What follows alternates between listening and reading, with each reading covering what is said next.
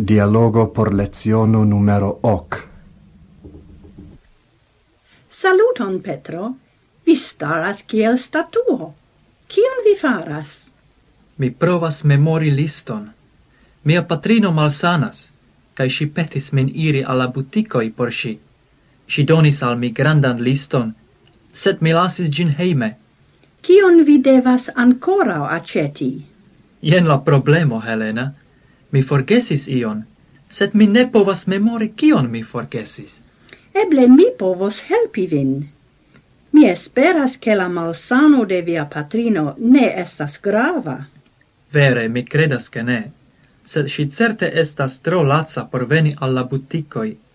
Miam iris alla apoteco por aceti la medicamenton, cium la curacisto prescribis por si. Cae mi acetis panon ce la bacisto, cae colbassoin ce la bucisto. Ciu si petis vin aceti ion ce la lactisto? Exemple, lacton, buteron, au fromagion?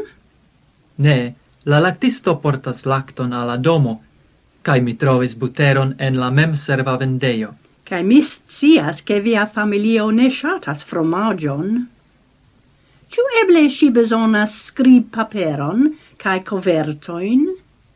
Ne, sed mi mem bezonas novan scribilon, char mi perdis mian plumon.